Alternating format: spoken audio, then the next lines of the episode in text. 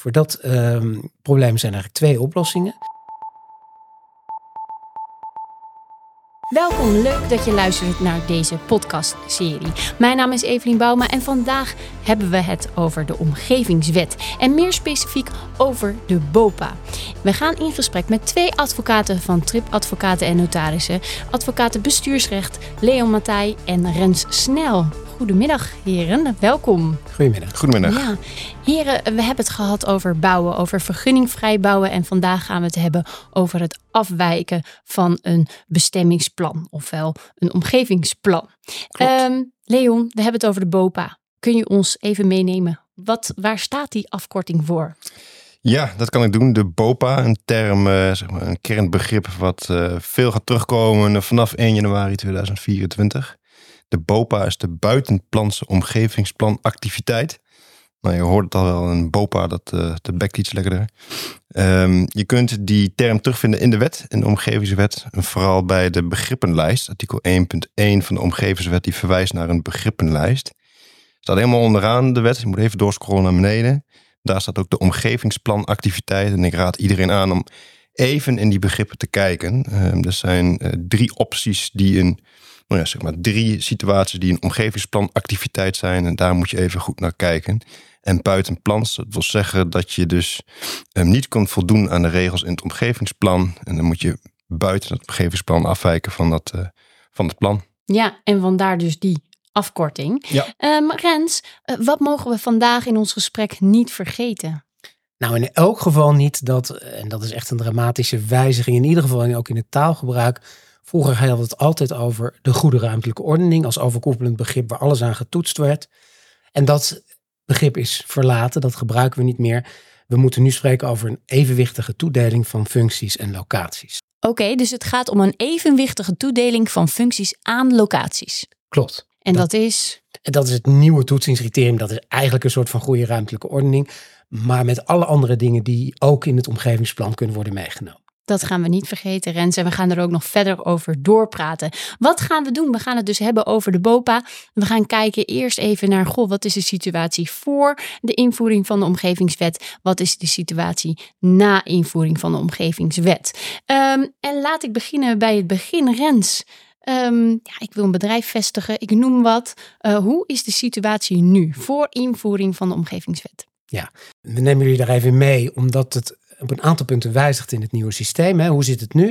Je hebt artikel 2.1 lid 1 WABO, die eigenlijk een hele lijst heeft van activiteiten uh, waarvoor je een omgevingsvergunning nodig hebt. En een van die dingen uit die lijst is strijdig gebruik. Dus als je een, meestal met bouwvergunningen komt het natuurlijk, als je iets wil bouwen wat niet in overeenstemming met het bestemmingsplan, dan heb je niet alleen een bouwvergunning, een A-vergunning nodig, maar ook een strijdig gebruikvergunning, een C-vergunning. Nou, die C-vergunning die lijkt heel erg op de BAPA waar we het vandaag over hebben. In het huidige recht hadden we er eigenlijk drie soorten van. Um, en die soorten die zijn gemaakt en die zijn van, betekenis voor het soort procedure dat je moest voeren. Uh, we hadden de zogeheten binnenplanse um, afwijkingen die je kon doen. Dat is eigenlijk als je met inachtneming van de regels die al in het bestemmingsplan staan tot een afwijking komt. waren meestal kleine afwijkingen. We hadden de zogeheten kruimelgevallenlijst. Uh, dat zijn de gevallen die uh, niet per se in grootte beperkt zijn, maar die wel genoemd waren in een AMVB. En dan kon je ook nog steeds met een gewone procedure kon je afwijken van het bestemmingsplan. En we hadden de derde categorie, dat was de categorie van zeg maar alle andere gevallen, waarbij je dus, uh, en dat zijn gemiddeld genomen wat grotere gevallen, waarin je een grotere inbreuk op het bestemmingsplan kan toestaan dan passen binnen die andere twee. Ja. Van belang was dus dat die eerste twee soorten dat die uh, met een reguliere procedure konden. Van belang was ook dat daar de zogeheten LISP-regeling voor gold. Dus als je daar niet tijdig beslist, dan werd die geacht te worden verleend. Het zet ook heel veel druk op de procedures, ook bij, bij uh, gemeenten en andere bevoegde gezagsorganen.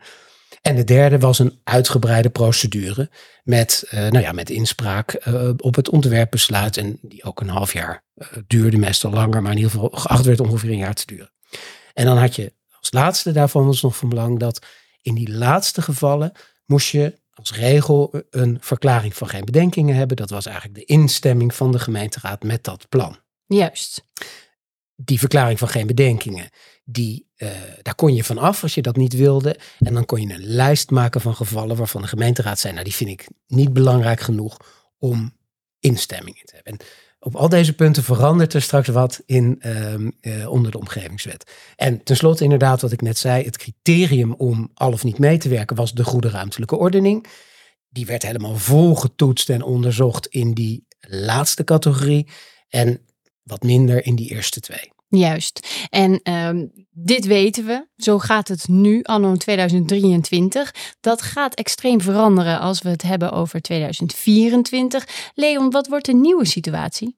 Ja, dat verandert uh, een en ander. Het belangrijkste heeft Rens al gezegd, dat is het toetsingskader, de goede ruimtelijke ordening.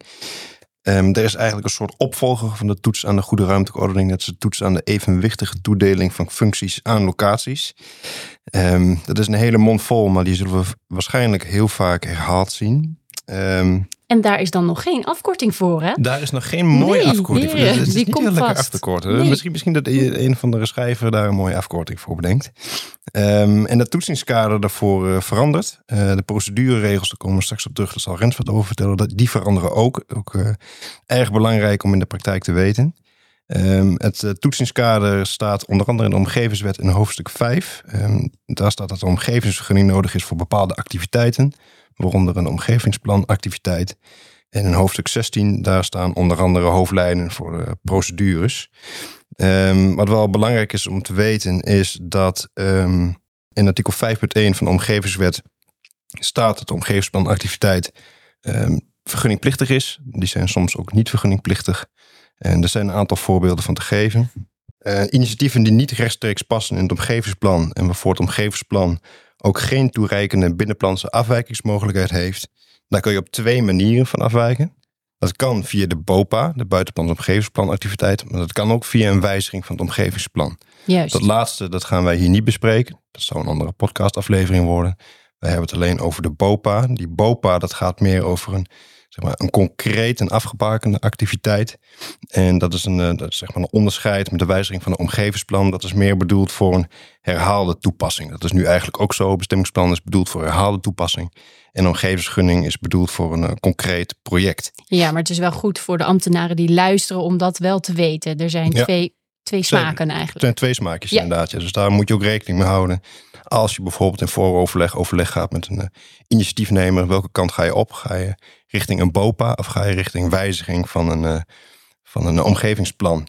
En uh, dat, um, die BOPA, als je die route kiest, als, als het om een concreet project gaat, um, daar staan een aantal beoordelingsregels, nu niet in de wet, in de omgevingswet, maar in een AMVB, in het BKL, het besluit kwaliteit leefomgeving. Um, dat is met name afdeling 8.1. Daar staat dat die buitenplans omgevingsplanactiviteit moet voldoen aan die evenwichtige toedeling van functies aan locaties. Dat past allemaal binnen de fysieke leefomgeving. Dus dat staat in artikel 1.2 van de omgevingswet. Dat is een niet-limitatieve opsomming van onderwerpen die allemaal vallen binnen de rijkwijde van die wet. Juist. Um, het kan ook gaan om, om invloed op de mens. Dus dat is veel ruimer dan waar we, wat we net zeiden, de goede ruimtelijke ordening. Dus je moet zelfs meer onderwerpen, uh, best wel wat meer onderwerpen rekening houden. Dat kan misschien ook wel zijn een energietransitie, uh, gezondheid en uh, de toekomst en jurisprudentie gaat uitwijzen uh, wat er allemaal onder gaat vallen. Ja, dus als we het hebben over die evenwichtige toedeling van functies aan locaties, dan is dat breder. Dan kan het gaan over eigenlijk ook voorgenoemde uh, zaken. Eigenlijk meer de menskanten. Kan ik dat zo zeggen? Uh, ja, die, de, de, de gevolgen voor de mens staan nu ook expliciet genoemd in de wet. En dat is in de huidige wet ruimtelijke ordening en de wet algemene bepaling omgevingsrecht, die echt op de omgeving zien in de goede ruimtelijke ordening. En niet zo, die gevolgen van de mens en, uh, um, zijn daarin niet expliciet benoemd en, en nu wel. Ja, duidelijk. Um, goed, dan hebben we uh, dat toetsingskader. Dan verandert er ook nog wat in de procedure, denk ik, Rens. Klopt, en dat, dat zijn echt best wel uh, opmerkelijke uh, wijzigingen. Overigens niet allemaal heel verbazingwekkend, maar wel wezenlijk anders dan we eerst hadden. En, zoals ik al zei, in het, in het bestaande systeem had je eigenlijk de kleine gevallen was altijd regulier en de grote gevallen waren eigenlijk altijd met een uitgebreide voorbereidingsprocedure. Dat verandert. Als uitgangspunt is nu ook in de omgevingswet gezegd, alles is regulier. Behalve als er een aanwijzingsbesluit is, een AMVB, eh, dat is het omgevingsbesluit geworden. Die heeft een lijst van gevallen die ehm, wel met toepassing van deze uh, 3-4 moeten. Dus met een uitgebreide voorbereidingsprocedure. Dus Ja. vroeger was de regel eigenlijk alles, in de meeste gevallen, altijd met uitgebreide voorbereidingsprocedure. De nieuwe regel is in principe niet, tenzij het op die lijst staat. En die lijst, waar Ja. kunnen we die vinden? Die staat in artikel 10, 24 van het omgevingsbesluit. En het gaat te ver om die allemaal te bespreken, maar er zijn eigenlijk drie soorten categorieën. We hebben eh rijksmonumentenactiviteiten, we hebben Natura 2000 activiteiten en we hebben zeg maar een categorie milieubelastende activiteiten. En dat gaat dan echt om grotere milieubelastende activiteiten eh, die eigenlijk gewoon Europees rechtelijk zijn vastgelegd. Dus denk aan de IPPC, denk aan de Sorvezo.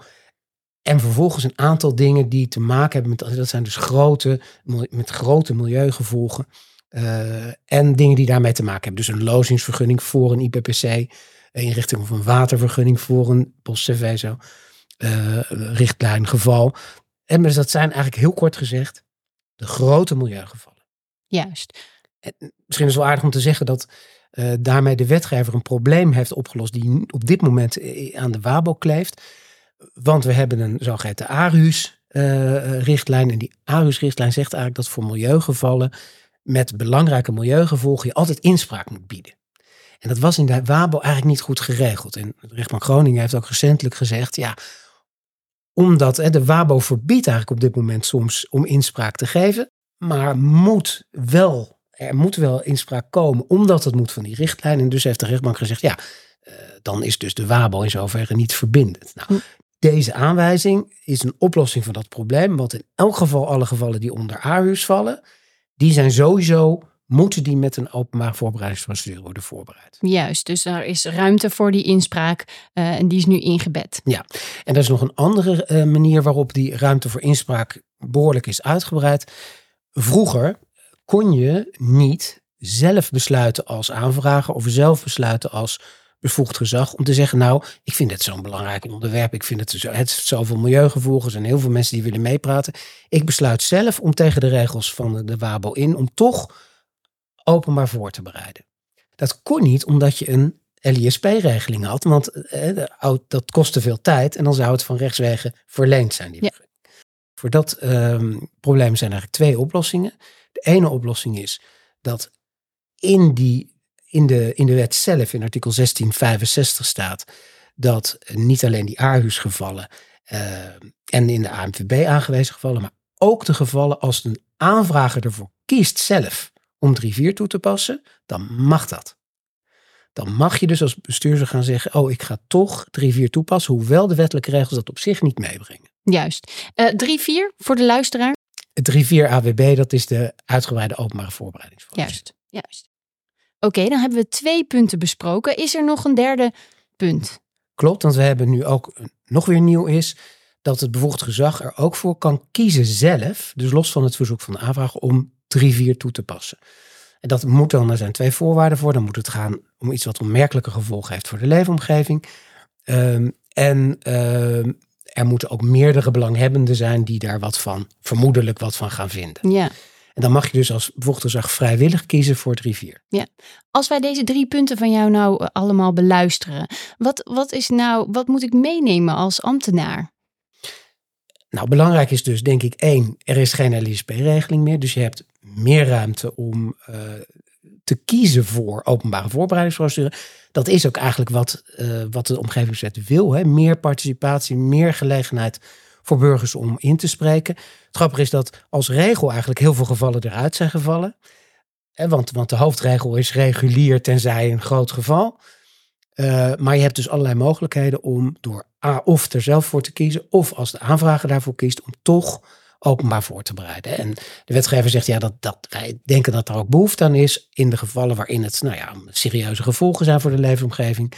En als je verwacht dat er veel belanghebbenden willen inspreken, dan heb je het maar meteen ineens bij elkaar, in plaats van eh, dat je meteen eh, vrij snel in de bezwaar of in de beroepsprocedure. Ja, juist dat participeren om eh, later procesvertraging te voorkomen eigenlijk. Hè? Klopt. Ja, Leon, we hebben het procedure besproken, het toetsingskader. Is er nog iets wat wij over de BOPA moeten weten? Ja, dat is meer de inhoudelijke toetsing. Ehm, de inhoudelijke toetsing, had ik gezegd, staat eh, in het BKL. Daar staan nu de zogenaamde beoordelingsregels. Ehm, afdeling 8.1, dat begint bij 8.0a van het uh, BKL. Ehm, daarin staat dat die afwijking moet voldoen aan die evenwichtige toedeling van functies aan locaties. En daarin staat ook dat de BOPA moet voldoen aan de regels voor het opstellen van een omgevingsplan. Dat is nu eigenlijk ook zo. Een bestemmingsplan moet voldoen aan de toets van de goede ruimtelijke ordening, staat in de wet ruimtelijke ordening. En in de WABO staat ook dat een omgevingsvergunning uitgebreide procedure ook moet zijn voorzien van een, uh, een onderbouwing van een goede ruimtelijke ordening. Uh, dat, dat, blijft eigenlijk in die zin hetzelfde, alleen dat staat allemaal op een andere plek. Uh, hoofdstuk 5 van het BKL, daar staan de regels voor omgevingsplannen, de instructieregels voor omgevingsplannen. En daar is ook uitgewerkt uh, wat die evenwichtige toedeling van functies aan locaties uh, is. Dus dat is een opvolger van het begrip uh, goede ruimtelijke ordening. Dat is een nieuw kernbegrip waar wij ongetwijfeld veel jurisprudentie over zullen krijgen. Net zoals dat wij heel erg veel jurisprudentie hebben over de term goede ruimtelijke ordening. Juist. Dus het loont de moeite om even daar naartoe te kijken. Kun je hem nog één keer noemen? 8.1 zei je volgens mij? Ja, dat is uh, eigenlijk die hele afdeling 8.1 uh, van het uh, besluit kwaliteit leefomgeving. Dat met name 8.0a. En dat gaat, dat gaat een aantal artikelen door. Dus die moet je eigenlijk even bij langslopen als je een, een POPA gaat, nou ja, gaat aanvragen en gaat toetsen. Dankjewel Leon. Rens, is er iets wat wij nog extra mee moeten nemen als huiswerk?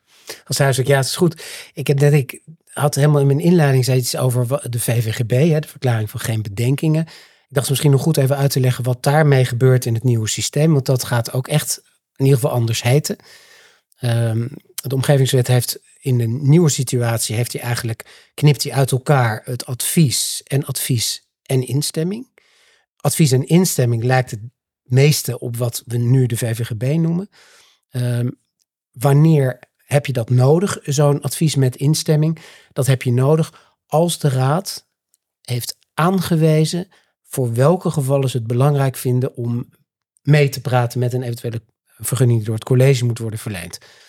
Dus anders dan nu. Hè. Nu heb je eigenlijk een uitzonderingslijst, maar straks krijg je juist een aanwijzingslijst. En als je een project op zo'n aanwijzingslijst zet, dan moet uh, er advies worden gevraagd aan de gemeenteraad door het college. En dan moet je ook als college vervolgens dat advies in acht nemen bij het nemen van je besluit. En dat staat allemaal in artikel 6.15a en b van de omgevingswet. Ja, en dat, daar staat ook de lijst.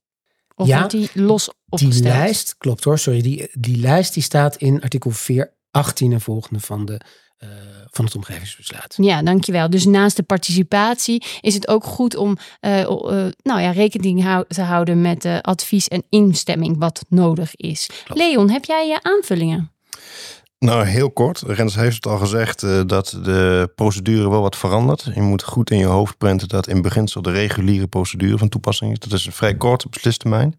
Uh, waarin je dus erg veel werk moet verzetten binnen een korte beslistermijn. Korter dan nu voorgeschreven is onder de, onder de WABO. Um, wat ook enigszins nieuw is, zijn de aanvullende verboden. Die staan in 5.5 en 5.6 van de omgevingswet. Daarin staat nu expliciet in de wet opgenomen dat het verboden is om te handelen in strijd met voorschriften van de verlenen omgevingsgunning. Dat is ook al zo, maar nu heeft het een hele prominente plaats gekregen. Achter 5.1 waar staat dat je een vergunning nodig hebt.